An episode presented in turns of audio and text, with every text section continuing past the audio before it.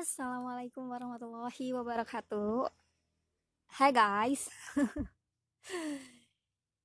Jadi kita akan melanjut nih dari uh, sorry about Rainia, lantunan cinta di sepertiga malamnya. Part 2 dengan judul kecil Sang Pemilik Alunan.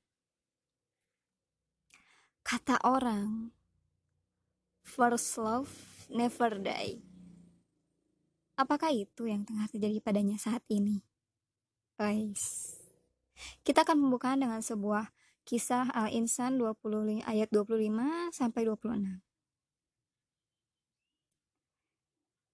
Dan sebutlah nama Robu pada waktu pagi dan petang. Dan pada sebagian dari malam, maka sujudlah kepadanya dan bertasbihlah kepadanya pada bagian yang panjang di malam hari. Begitu arti dari kisah um, surah Al-Insan ayat 25 sampai 26. So, Hanif merebahkan tubuh lelahnya di kasur. Ah Allah, nikmatnya. Ya nggak sih? Tidak semua orang mensyukuri hal-hal kecil yang mereka miliki. Seperti masih terbangun di pagi hari bisa menghirup oksigen. Netra berfungsi mengenal bentuk dan warna, sendi bekerja sempurna, kaki berdiri tegak menopang tubuh, lidah bisa mengecap membedakan rasa. Dan banyak lagi. Bener nggak?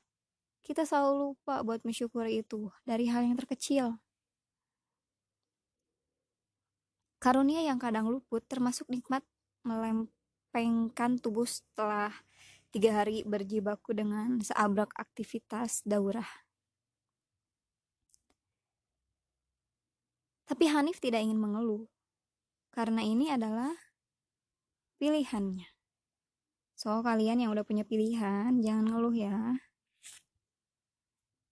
Ia sangat paham bahwa jalan dakwah tidak pernah mudah butuh pengorbanan, waktu, harta, dan tenaga. Semangatnya membumbung. Tidak ada yang bisa menghentikan gelombang di dalam diri yang mendesak keluar. Baru sebentar mengistirahatkan mata terdengar ketukan di pintu.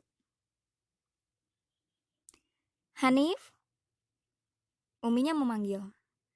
Hanif beranjak duduk sembari memijat pelipis untuk mengurangi kelayangannya uh, kelayangannya itu apa ya semacam sebuah kedutan atau sakit kepala kayak pusing. Yami, Hanif beranjak membuka pintu. Sejak kecil, Umi membiasakan Hanif dan adik-adiknya untuk mengetuk pintu terlebih dahulu sebelum masuk ke kamar orang tua. Oh my god, kamar aku nggak ada pintunya, cuman gordeng doang ya. Sebagai contoh, Umi melakukan hal yang sama ketika hendak masuk ke kamar anak-anaknya. Kenapa, Mi? Ada telepon. Dari siapa? Harry. Hanif mengangguk, mengangguk singkat. Ia berjalan keluar. Bapak sudah pulang, Mi? Belum. Kamu sama adik-adik kalau mau makan duluan aja. Umi kembali ke dapur. Hanif melintasi ruang tengah di mana adik-adiknya sedang belajar dan mengerjakan PR. Ia ketiga dari sembilan bersaudara. Wow, subur banget ibu sama Umi. ibu sama Umi maksudnya. Oke deh, Bapak dan Umi menginginkan anak yang banyak karena Rasulullah Shallallahu Alaihi Wasallam bangga dengan umatnya yang jamak. Banyak anak tidak identik dengan hidup susah atau tak terurus. Buktinya mereka berkecukupan walau ada masa di mana usaha bapaknya mengalami surut. Rezeki itu sudah Allah tetapkan sebelum seseorang dilahirkan. Kalau ada satu hal yang tidak perlu dikhawatirkan dalam hidup ini, itu adalah pencarian. Rezeki akan mengejar pemiliknya, seperti halnya maut. Jadi, tidak perlu resah dengan nafkah. Justru seharusnya gelisah dengan banyaknya maksiat yang dilakukan. Assalamualaikum. Salam Hanif setelah mengangkat telepon. Waalaikumsalam warahmatullah. Alhamdulillah sudah sampai di rumah antum. Harry adalah sahabatnya sejak tahun pertama kuliah. Mereka sama-sama aktif di Rohis kampus. Alhamdulillah baru sampai. Ada apa, ah? Ia dan Harry menjadi panitia daurah penerimaan anggota Rohis untuk mahasiswa baru di daerah Puncak. Hari ini acara berakhir. Mereka tiba di kampus ketika asar. Setelah menyelesaikan beberapa urusan, ia langsung pulang dan sampai di rumah maghrib. Afwan, Ana tahu antum mungkin sedang istirahat. Ustadz Kamil tadi nelpon Ana. Beliau minta tolong kalau ada ikhwan yang bisa menjadi imam tahajud malam ini. Di Masjid SMA 73, jelas Harry. Ana langsung kepikiran antum. Hanif menarik nafas, menarik nafas pelan. Raganya memang butuh istirahat, tapi jiwanya terpanggil untuk melaksanakan amanah. Tanpa pikir panjang, ia menjawab, Insya Allah, Alhamdulillah, anak khawatir. Ust Ustaz Kamil dulu. Anak kabarin Ust Ustaz Kamil dulu ya. Jazakallah khair, akhi. Walai wa iyyakum, akhi. Hanif meletakkan handphone dengan senyum kecil di bibir. Mau pergi lagi? Tanya Umi sembari meletakkan piring di meja makan. Anaknya yang nomor lima, Habibah, ikut membantu. Bunyi piring beradu pelan, sendok dan garpu berdenting. Ting, ting, ting. Iya, Mi. Habis Isya, insya Allah. Ya sudah, makan dulu. Umi tahu benar dengan kegiatan anaknya itu. Padat. Sering tidak pulang ke rumah karena kuliah dan juga tugas dakwah. Ia bersyukur untuk itulah ia mendidik anak-anaknya dengan keras sewaktu mereka kecil agar menjadi pejuang di jalan Allah. Hanif mengangguk kecil. Hanif, mandi dulu Mi, pamitnya sebelum melangkah ke kamar. Ia menutup pintu seraya memindai isi kamar. Ada empat petiduran di sana. Ia berbagi kamar dengan adik-adiknya. Sudah beberapa lama ia memikirkan untuk kos dekat kampus, selain karena jarak yang dekat dibanding di rumahnya di daerah Priok. Ia juga menyukai suasana asrama ikhwan yang dinamis. Tentu akan lebih semangat berdakwah bila berkumpul dengan orang-orang yang satu misi dan misi. Hanif melirik nafas panjang. Ia menuju lemari dan bersiap mandi. Ketika yang lain sedang hangout dengan teman-teman dan menghabiskan malam dengan bersenang-senang, ia memilih jalan yang tidak biasa sesuatu yang dianggap aneh, asing, dan tidak keren oleh beberapa orang. Biarlah Allah yang menilai. Selesai bersiap, Hanif pamit ke uminya. Ia mengeluarkan Khalid, motor kesayangan pemberian bapaknya, dari garasi. Kendaraan roda dua yang dinamai Khalid itu sudah menemaninya ham selama hampir dua tahun ini. Ia berharap Semoga Khalid menjadi saksi di yaumul akhir nanti tentang perjuangannya mengemban amanah. Dalam perjalanan ke masjid sekolah, motornya berhenti di perempatan lampu merah. Hanif melihat pasangan muda-mudi yang berjalan di sepanjang trotoar. Ingatan masa SMA kembali. Dulu ia pernah hampir terperosok ke hubungan tanpa status dengan seorang akhwat. Bersyukur Allah masih menyelamatkannya. Sekarang ia berusaha menata hati dan menjaga pandangan. Sangat tak pantas raga ini menikmati yang belum haknya. Lampu masih merah, menunggu pejalan kaki menyeberang. Dari balik helm, netranya menangkap seorang perempuan berhijab panjang sedang menyeberangi jalan. Tiba-tiba memorinya kembali ke beberapa waktu yang lalu ketika awal semester. Saat itu mahasiswa baru selesai mengikuti penataran P4 atau Pedoman Penghayatan dan Pengalaman Pancasila di auditorium kampus. Ia sedang berada di dekat sana, hendak menuju kantin. Seperti biasa, ketika berjalan, pandangan lurus ke hadapan, menjaga mata. Well, entah apa yang membuatnya mendongak dan tanpa sengaja pandangannya tertumbuk pada seorang akhwat berbaju salju dengan mata sedikit sipit. Mungkin bukan sipit. Akhwat itu sedang tersenyum pada teman di samping sehingga membuat netranya mengecil. Hanya beberapa detik tetapi tidak dipungkiri membuatnya terpaku sesaat. Cantik. Itu yang terlintas dalam benak. Alis berbaris rapi dengan hidung mungil dan pipi kemerahan. Waktu terasa terhenti. Wajah belia sang akhwat terekam hingga ke Sukma. Cepat ia tersadar, berpaling dan melanjutkan langkah. Sejak itu ia berikrar dalam hati, harus menjauh dari ahwat yang satu ini bila tidak ingin mendapatkan masalah di kemudian hari. Bagi Hanif, perempuan berhijab putih itu terlalu jelita. Jika ada seseorang yang bisa menggoda, nampaknya hanya akhwat itu. Hmm. Mereka tidak pernah bertemu lagi, tidak sampai daurah kemarin, hanya selintas ketika sedang menunggu bus untuk bersiap pulang. Dadanya berdesir halus mengenang hal itu.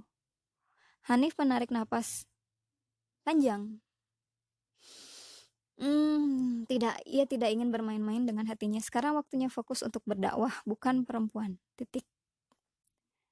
Namun ia merasa akan bertemu kembali dengan akhwat yang namanya saja ia tidak tahu, apalagi mereka satu kampus, kemungkinan besar satu organisasi.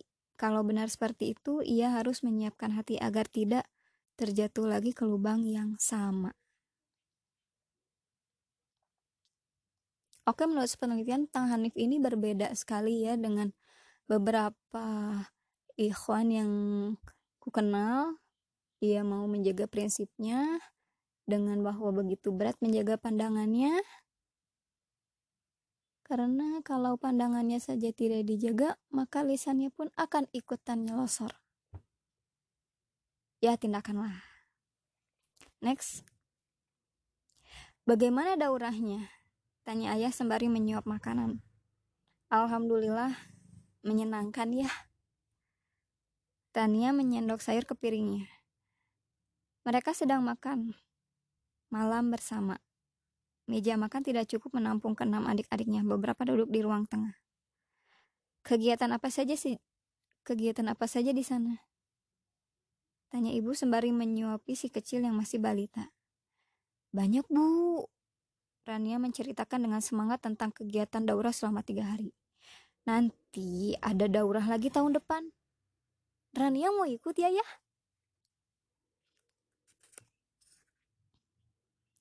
Ayahnya tersenyum tipis. Kita lihat saja tahun depan. Bibirannya sedikit maju. Udah istirahat dulu, lela, lela, lerai ibu. Kamu pasti capek. Rania mengangguk pelan. Ia memang lelah, tubuhnya terasa remuk redam. Rania duluan ya. Ia pamit seraya membawa piring kotor ke bak cuci piring. Dan ia terlalu letih untuk mencuci piring lagi pula itu adalah tugas adiknya yang nomor dua. Hmm, kalau di aku, cuci piring itu pasti bagian aku. Kebetulan nomor dua. Nomor dua kebagian nyuci piring wae eh. Mereka tujuh bersaudara, masing-masing mempunyai tanggung jawab karena tidak ada asisten rumah tangga. Ia kebagian menyetrika pakaian. Tugas yang banyak dihindari adik-adiknya.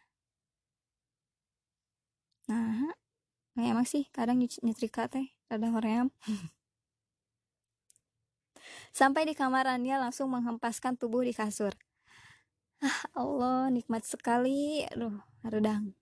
Ia menggeliat pelan ketika hendak memejamkan netra tiba-tiba teringat sesuatu. Dengan sisa tenaga, ia menurunkan kaki dari petiduran dan beranjak berdiri menuju meja belajar.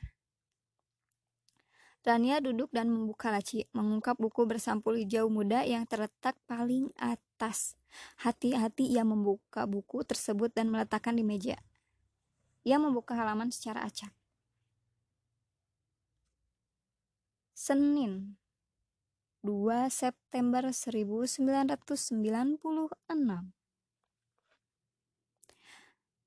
Hari ini aku seneng banget bisa ketemu sama Mbak Nisa. Masya Allah, baik banget orangnya. Mbak Nisa itu ketua Kementerian Royce di FMI IPA keren ya. Ya ampun.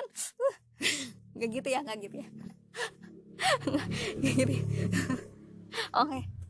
Mbak ngajakin aku sama Zia untuk ikut kajian tafsir Al-Quran di kampus Jumat ini. Aku langsung jawab, bisa. Hehehe. Gak sabar pengen aktif di Rohis kayak Mbak Nisa. Tania membuka halaman lain. Selasa 1 Oktober 1996 Alhamdulillah selesai program pembinaan untuk adik-adik SMA. Sempat keteteran karena sudah mulai kuliah. Doain ya supaya aku bisa seimbang antara amanah di kampus dan alumni SMA. Walau capek tapi seneng. Kayaknya harus mulai ngatur waktu lagi deh. Soalnya jadwal bimbel sama les privat juga nambah, belum lagi praktikum dan kuliah.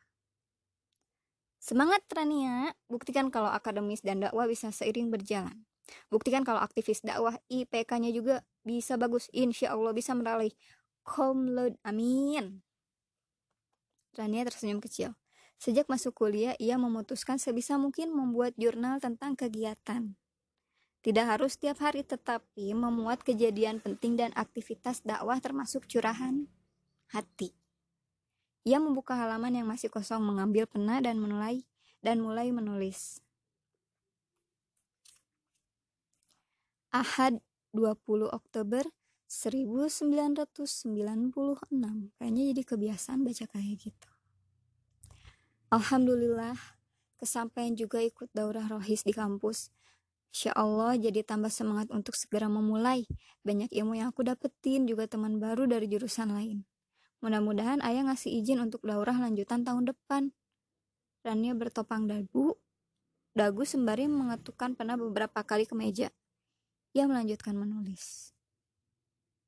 Bacaan Imam Salat Tahajud pas daurah bagus banget semua juga bilang gitu sampai banyak yang nangis juga suara imamnya membuat hati bergetar aku nggak tahu siapa imamnya. Penasaran sih siapa ya kira-kira? Jemarirannya berhenti. Ia menarik nafas panjang. Apa perlu ia mencari tahu?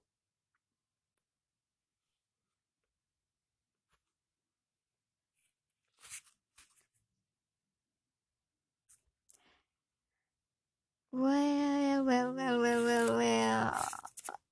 Part 2-nya selesai. Wow, baru 18 menit. Dan enjoy banget ngebacainnya. Mudah-mudahan kalian yang dengerinnya pun enjoy. Seneng dan sedikit terhibur ya karena ini sekarang berbeda banget nih. Ya kan cara baca aku kayak lebih lebih ekspresif kayaknya ya. Meskipun dari lagamnya kayak suaranya masih datar-datar gitu tapi mudah-mudahan kisahnya merasuk dari suara aku menceritakan kisah ini dan kalian dapetin sebuah positif negatif dari cerita part kedua ini. Kalau kalian suka jangan lupa like komen follow aku terus kalian share ke teman-teman kalian supaya mereka dengerin juga. Dan kalau nunggu versi nextnya kemudian yang part tiganya kalian harus sabar-sabar kalau di aku ini. Karena aku tidak selalu setiap hari update di Sport TV pokoknya kalian harus ekstra ekstra ekstra ekstra ekstra sabar deh pokoknya. Untuk menantikan rekaman atau recording next selanjutnya ceritanya dari Rania. Tapi kalau kalian gak sabar pengen baca cerita lanjutannya part 3 sampai tamat, ini kalian langsung beli aja deh di toko buku terdekat.